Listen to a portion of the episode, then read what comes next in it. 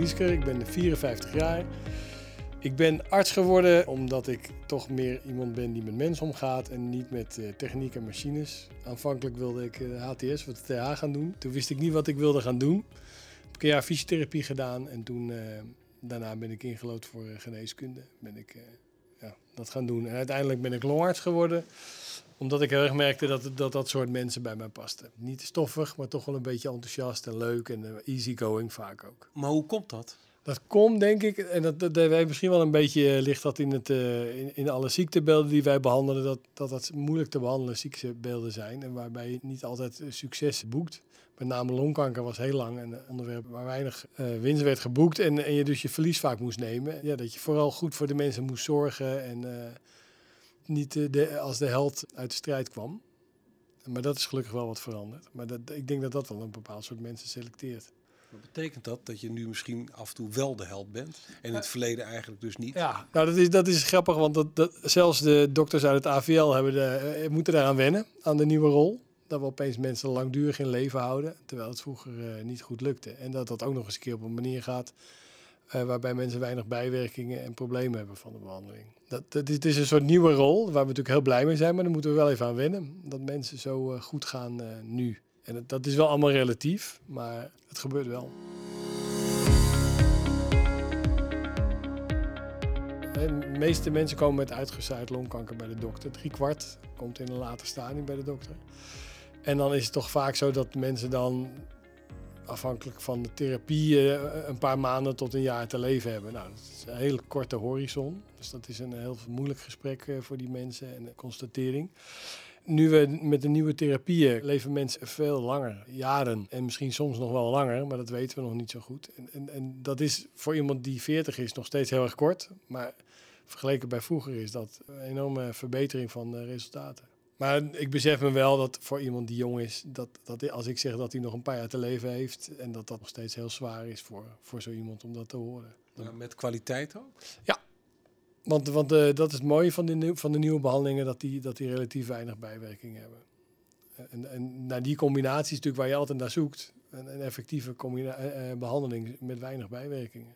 Ik, ik verstel de mensen altijd het voorbeeld dat er echt wel drie mannen door een vrouw in een rolstoel uh, de spreekkamer werden binnengebracht omdat het zo slecht met ze ging. En alle drie lopen weer, waarbij er één weer aan het vissen is elke dag en, en de ander alweer klaar is met zijn therapie. En het gaat allemaal goed. En dat zijn echt successen die we vroeger echt nooit hadden. Dan waren we de mensen al eerder kwijt.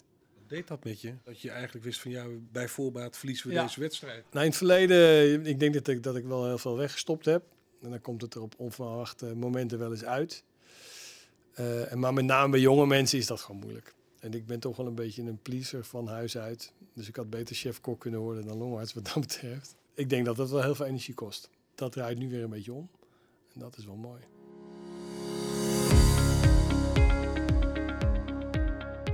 Hoe lang werk je al in Tergooi? Uh, nu ruim tien jaar. Met dat laatste realiseerde ik me dat ook. Want ik, uh, ik dacht altijd dat ik nog langer in het Onze Lieve Vrouw gasthuis had gewerkt dan hier. In Amsterdam? Ja, wat betekent Tergooi voor jou? Vooral een hele leuke groep longartsen. En dat was ook de reden waarom ik hier naartoe ben gekomen. Het betekent een ziekenhuis waarbij de zorg dicht bij de mensen staat, denk ik. Ja, allemaal hele, hele toegewijde mensen werken. Ik zeg net al, met meerdere longartsen werken we hier. Wat doet jouw afdeling? Een longarts die ziet in het algemeen mensen met, met astma, met COPD. En dat is chronische bronchitis en emfyseem. Klaplong en dan zeldzamere dingen als longfibrose. Een heel groot deel is longkanker, longvlieskanker, asbest gerelateerd dan.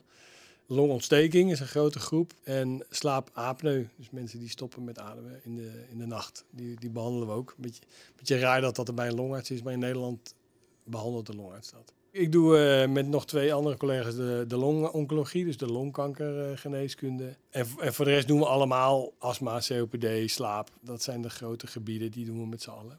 Hoe staat het ervoor in Tergooi? Nou, ik, ik, denk dat de gooi wat betreft uh, longkanker uh, best redelijk voorop staat. Ik merk ook dat de collega's uit AVL makkelijk terugverwijzen naar ons. En dan krijgen we altijd wat te horen van, nou, daar is het wel goed voor elkaar. En ik denk dat dat ook zo is. We hebben immunotherapie als, als een van de eerdere ziekenhuizen in het land ingevoerd. En nu is er een combinatie van chemo- en immunotherapie. En dat doen we ook al een hele tijd. En andere ziekenhuizen in de buurt doen dat nog niet of nog maar recent. Dus daarmee lopen we redelijk voorop. waarbij we weten dat we niet alles kunnen. Eh, en dat is ook in de toekomst niet zo. Maar tussen het AVL, waarmee we samenwerken, en het TGO is er eigenlijk geen grens. Dat als iemand een betere behandeling kan krijgen in het AVL, dan gaan mensen daar naartoe. En als ze dan weer terug kunnen naar ons, dan komen ze ook zo weer terug. We hebben wekelijks overleg met het AVL via een beeldverbinding. En we hebben eigenlijk dagelijks overleg via mail, bellen.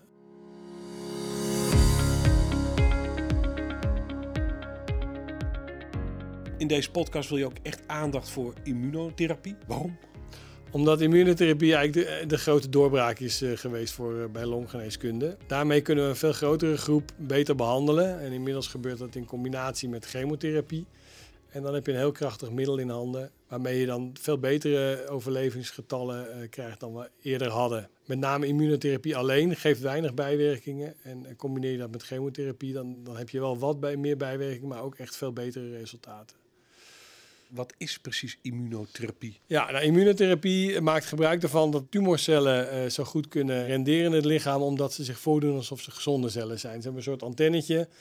En dat antennetje, daar denkt het afweersysteem van, oh, dat is een gezonde cel, die laten we varen. En de immunotherapie zorgt ervoor dat dat antennetje uitgaat, zodat je eigen afweersysteem die tumorcel weer als tumorcel herkent en dus ook aanvalt. Eigenlijk zorg je ervoor dat je, dat je afweersysteem weer gaat doen wat het moet doen. En hoe werkt dan de therapie? Uh, nou, het is een infuus.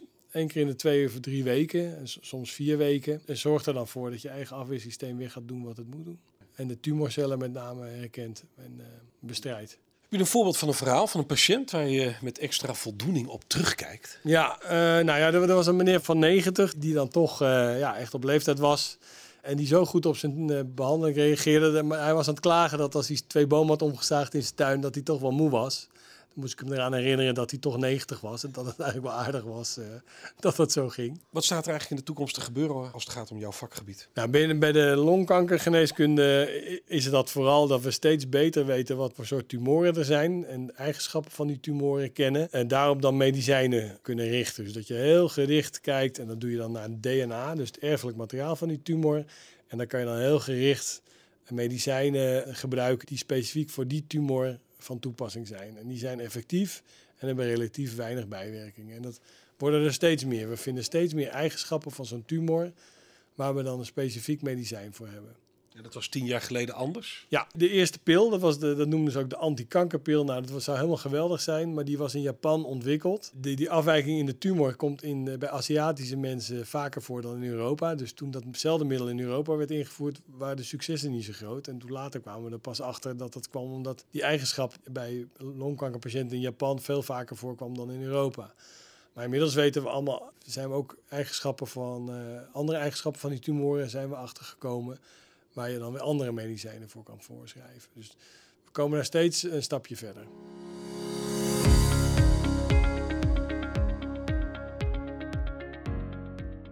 E-health is eigenlijk dat je met behulp van, van ondersteuning van apps of e-mail en, en dat soort dingen, dat je mensen uh, op afstand eigenlijk helpt. En dat je ze ook op die manier in de gaten houdt, uh, monitort hoe het met ze gaat.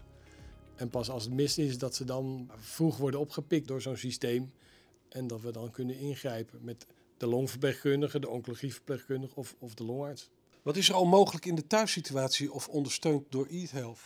Wat betreft de thuissituatie is de gooi bezig chemotherapie thuis te gaan geven. En, en hopelijk ook immunotherapie thuis te geven. Omdat het hele frequente behandelingen zijn. Hè, ook twee tot vier weken. En langdurig. Dus die mensen moeten dan echt heel vaak naar het ziekenhuis komen. Hoewel het mij opvalt dat als, als ik mensen aanbied om een telefonisch consult te doen, dat ze vaak toch willen langskomen. Ze willen toch contact met je hebben. Mensen vinden het gewoon nog prettig om toch face-to-face met, zeker over dit soort belangrijke zaken in het leven, gewoon de arts. Ja, en ik moet eerlijk zeggen dat ik dat zelf ook het prettigst vind. Want een groot deel van de communicatie gaat non-verbaal. En je ziet, je ziet de partner, uh, uh, kan je ook in de gaten houden tijdens zo'n gesprek. Want die, die geven vaak ook heel veel signalen af. En dan vertelt iemand, vertelt, uh, nou, gaat allemaal hartstikke goed. En dan zie je die partner schuiven en dan vraag je eens daar hoe gaat het eigenlijk? En dan hoor je vaak pas het echte verhaal, hoe ja. het is gegaan. Je wil weten hoe het gegaan is, want je, je vaart daarop. Als het met iemand slecht gegaan is en hij vertelt het niet, dan kan het gevaarlijk zijn bij de volgende kuur. En vaak zijn mensen, ja, die willen de dokter pleasen, die willen vooral hun volgende kuur krijgen. Dus die, die, die houden zich soms een beetje op de vlakte. En als je dan met, met meerdere mensen in een kamer zit, dan kan je ook nog signalen van anderen oppikken. En dat lukt niet door de telefoon of bij een beeldverbinding. blijft Ja. komen. Nou ja, ja, maar dat kan niet, want we moeten de zorg eh, zo efficiënt mogelijk maken. Ja. En op deze manier eh, ja, lukt dat niet. Dus we moeten wel richting e-health. Dat is, dat is niet anders. En ik denk ook wel dat het echt voordelen heeft. Wij zijn bezig met een eh, pilot voor COPD-patiënten. De patiënten met, CO met chronische bronchitis en emfyseem. Die worden dan gemonitord door een bureau. En pas als, als er wat met ze is, als het niet goed gaat, dan wordt er pas contact met ons opgenomen. In plaats van dat we één keer in een half jaar een routinecontrole doen. Waarbij het dan vaak goed gaat en die controle achteraf niet nodig was. Dus je kan dan beter al die mensen monitoren. En pas als ze het nodig hebben, dat ze bij ons komen. Dus het is een beetje een andere manier van benaderen. En dan heb je een effectievere zorg. Heel algemeen wil je proberen eh, mensen zo goed mogelijk te helpen met zo min mogelijk schade. Dat, dat, is, dat is het ultieme doel. En dat was in het verleden nog wel eens moeilijk, omdat dat chemotherapie alleen toch wel veel bijwerkingen gaf. En dat lukt nu steeds beter, doordat je veel meer gericht tumoren kunt behandelen. Vroeger gaven we bij iedereen hetzelfde. En nu geven we, willen we heel veel van zo'n tumor weten. eh, waardoor het wel soms wat langer duurt voordat je alle uitslagen hebt. Eh, maar dan kan je veel gerichter behandelen met, met veel beter resultaat en minder bijwerkingen. En, en dat is een beetje ja, welke kant het op zou moeten gaan, denk ik. Waarom onderscheidt Tergooi zich bij deze behandeling ten opzichte van andere ziekenhuizen? Eh, nou, dat we redelijk voorop lopen, dat de zorg dicht bij de mensen is. Ja. En op wat voor manier kan je longklachten voorkomen? Ja, niet roken, niet roken, niet roken. Ik denk zelfs, hè, als roken niet zou bestaan, dat er misschien ook wel geen longartsen zouden bestaan. We hebben zoveel ro- roken gerelateerde problemen of, of ziektes die veel erger of slechter gaan doordat mensen roken. Ja, dat, dat is extreem. De e-sigaret is ook niet de oplossing. Ja, er, heel, veel, heel veel mensen stappen daarop over en die denken dan dat dat is allemaal een stuk beter dan het was. Maar ja, helaas eh, zijn er in Amerika al een paar mensen overleden. En ook wij hebben al twee patiënten gehad die hele rare ziektebeelden kregen door de e-sigaret. Dus de e-sigaret is absoluut geen eh, alternatief. Mogelijk wel net zo gevaarlijk als, als gewoon roken. Dus ik zou het eh, mensen afraden. En, en ik hoop vooral dat het niet eh, de jeugd aanzet om toch eerder te gaan roken of dit als alternatief te nemen. En het is raar dat je als overheid verdient aan sigaretten. Dat klopt niet. maak je er zelf ook boos over? Nou, niet boos, wel verbazing. Ook naar patiënten toe ben ik nooit boos. Weet je, het, het heeft geen zin om, om, om boos te worden dat mensen nog roken. Ik zie hun eigen verantwoordelijkheid. Ik probeer ze zo goed mogelijk uit te leggen wat, wat het gevolg is van hun gedrag. En ze moeten verder zelf die verantwoordelijkheid nemen. En, eh, het lukt toch om heel veel mensen van roken af te krijgen, om ze te laten stoppen. Het is nooit te laat. Nee, eigenlijk niet. Ja, belangrijk is altijd door te vragen bij mensen wa- wa- waarom ze nou roken en eh, wa- wat er dan speelt. En als ze dan gestopt zijn, waarom ze dan weer gestart zijn. En eh, roken is de perfecte verslaving. Om, eh, als je een sigaret in je mond stopt, binnen milliseconden zit die nicotine in je hoofd. Dus is- wordt direct eh, opgenomen. Hè. Je wordt direct krijg je bevrediging van het, eh, van het honger, eh, nicotinehonger. En je kan het gewoon kopen bij de winkel. Je hoeft niet bij een dealer ergens donker in een bos eh, te, te kopen voor heel veel geld en het met een injectienaald in je arm te steken. Je kan gewoon een sigaret aansteken en het is zo gebeurd. Dus het is een hele lastige eh, verslaving. Waarbij ik in, toen ik in Amsterdam werkte, ook van de Jellinek-artsen, die toch echt wel heel veel gewend waren, dat zij dat misschien wel de moeilijkste verslaving vonden om te behandelen. Erger nog dan de cocaïne en heroïne en alcohol. eh. Hoe ga je om met het leed en de emotie van patiënten en hun naasten en eh, jouw eigen professionele empathie? Dat is best lastig. ja, vind ik wel. Want het, i- weet je, het is toch eigenlijk wel dat, ik, eh, dat, we dagelijks eh, slecht nieuwsgesprekken hebben. En dat went nooit. Eigenlijk niet, nee. En waarbij, vooral bij jonge mensen is moeilijk. En mensen die heel invoelbaar emotioneel reageren, vind ik altijd lastig. Die op zo'n manier reageren dat ik precies ook zou zou doen, denk ik, in die situatie. Ik kan me nog herinneren dat ik een keer eh, belde ik voor een uitslag naar iemand thuis. En er was een man van mijn leeftijd en, en zijn zoontje nam op. En die had dezelfde leeftijd als mijn zoontje. En ik dacht van, nou ja, straks leeft je vader, die leeft over een half jaar niet meer. Dat, vond ik wel moeilijk, eh, om dan zo'n jongetje helemaal vrolijk eh, zijn vader horen roepen. Dat zijn wel lastige momenten. Veel ellende. Maar ja, aan de andere kant schept dat dan ook weer een mogelijkheid om het zo goed mogelijk voor die mensen te regelen. Dat ze zo min mogelijk lijden. En nu gelukkig dus de laatste vijf jaar eh, ook echt eh, behandelopties. Die, waardoor het weer allemaal wat zonniger wordt. Heb je ook wel dan momenten van jezelf, ja, ik moet nu even totaal iets anders in een andere wereld terechtkomen? Ja, eh, dat is zeker zo. Dus ik, ik wil ook altijd, als ik geen dienst heb, wil ik eigenlijk echt heel wat anders doen. Je bent zo verbonden met dat ziekenhuis en, en met, met ziek zijn. Ik ben uh, net zondag teruggekomen uit Zambia, een van de armste landen in Afrika. Omdat we daar met de Orange Babies gefietst hebben om, om geld op te halen voor de zorg daar. HIV-zorg en de, en de opvoeding en, en voeding en, en scholing van kinderen en zwangere vrouwen. HIV, er zijn meer dan 10% van de bevolking is HIV-positief. En eigenlijk is, is daar staat de HIV er zo voor zoals het bij ons 30 jaar geleden was. Toen ik een opleiding was tot longarts, was, was, de, was de hoogtijd van de AIDS-epidemie in Nederland. Nou, nu moet je mensen vertellen wat AIDS is. De assistenten weten het niet meer, want we komen het niet meer tegen.